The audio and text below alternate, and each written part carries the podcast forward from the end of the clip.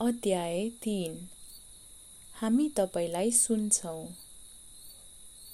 तपाईँले हामीलाई वा एकअर्कालाई भन्नुभएको सबै कुरा हामीले बुझ्छौँ भनी तपाईँलाई जानकारी दिन चाहन्छौँ। तपाईँले के सोच्नु वा कस्तो महसुस गर्नु भइरहेको कुराहरू सबै हामीलाई थाहा हुन्छ। सायद तपाईँले यो याद गर्नुभयो वा यसको बारेमा आश्चर्यचकित मान्नुभयो होला कि हामीले तपाईँका शब्दहरू विचारहरू र तपाईँका सबै भावनाहरूमा प्रतिक्रिया गर्छौँ।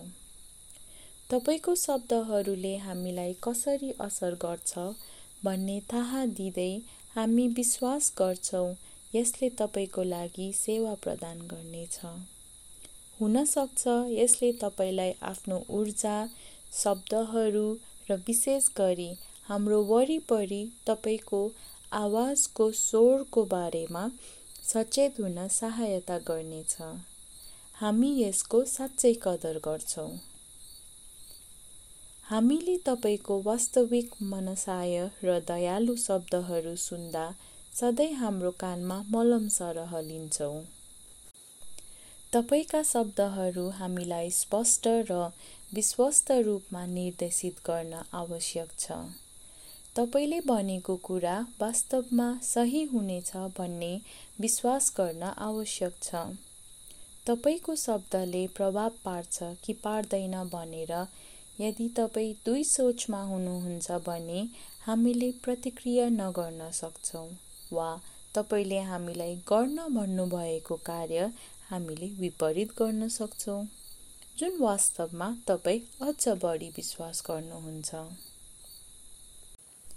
तपाईँसँग हाम्रो हृदयदेखि तपाईँको हृदयसम्म गरिने सिधा सञ्चार नै हाम्रो मनपर्ने प्रकारको सञ्चार हो। हामी सधैँ तपाईँको वास्तविक मनसाय सुन्छौँ र तपाईँको आवाजमा दयालु शब्दहरू र कोमल ध्वनि हाम्रो कानमा मलम सरह लिन्छौँ हामी तपाईँबाट आउने हरेक कोमल आवाजलाई माया गर्छौँ। यसले हाम्रो लागि धेरै माया र हेरचाह समावेश गर्दछ। हामी यसलाई हाम्रो सबैभन्दा ठुलो उपहार जस्तै स्वीकार गर्छौँ। आहा आफ्नो आवाजले प्रेम साझा गर्न सक्षम हुनु पाउनु कति राम्रो उपहार। हामीलाई प्रेमको सुनौलो उजेली प्रदान गर्दै तपाईँको हृदयको ज्योति अब हामीमाथि चम्किरहेको अनुभव गर्छौँ। यसले हामीलाई संसारको सबैभन्दा राम्रो अनुभूति दिन्छ। त्यसैले हामीलाई तपाईँसँग हुनुको यही एउटा कारण हो। तपाईँले हामीलाई दिने यो असीम प्रेम हाम्रो लागि कहिले अति धेरै हुन सक्दैन।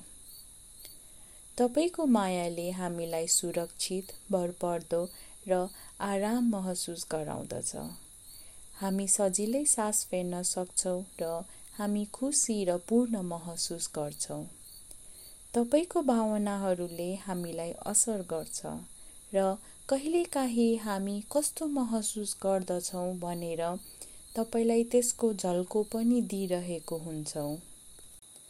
तपाईँको अगाडि एक जीवित संवेदनशील र सचेत प्राणी जसले तपाईँको सबै भावनाहरू बुझ्न सक्छ भनेर यदि तपाईँले महसुस गर्नुहुन्छ भने यो हाम्रो सम्बन्धको लागि निकै ठुलो सुधार हो।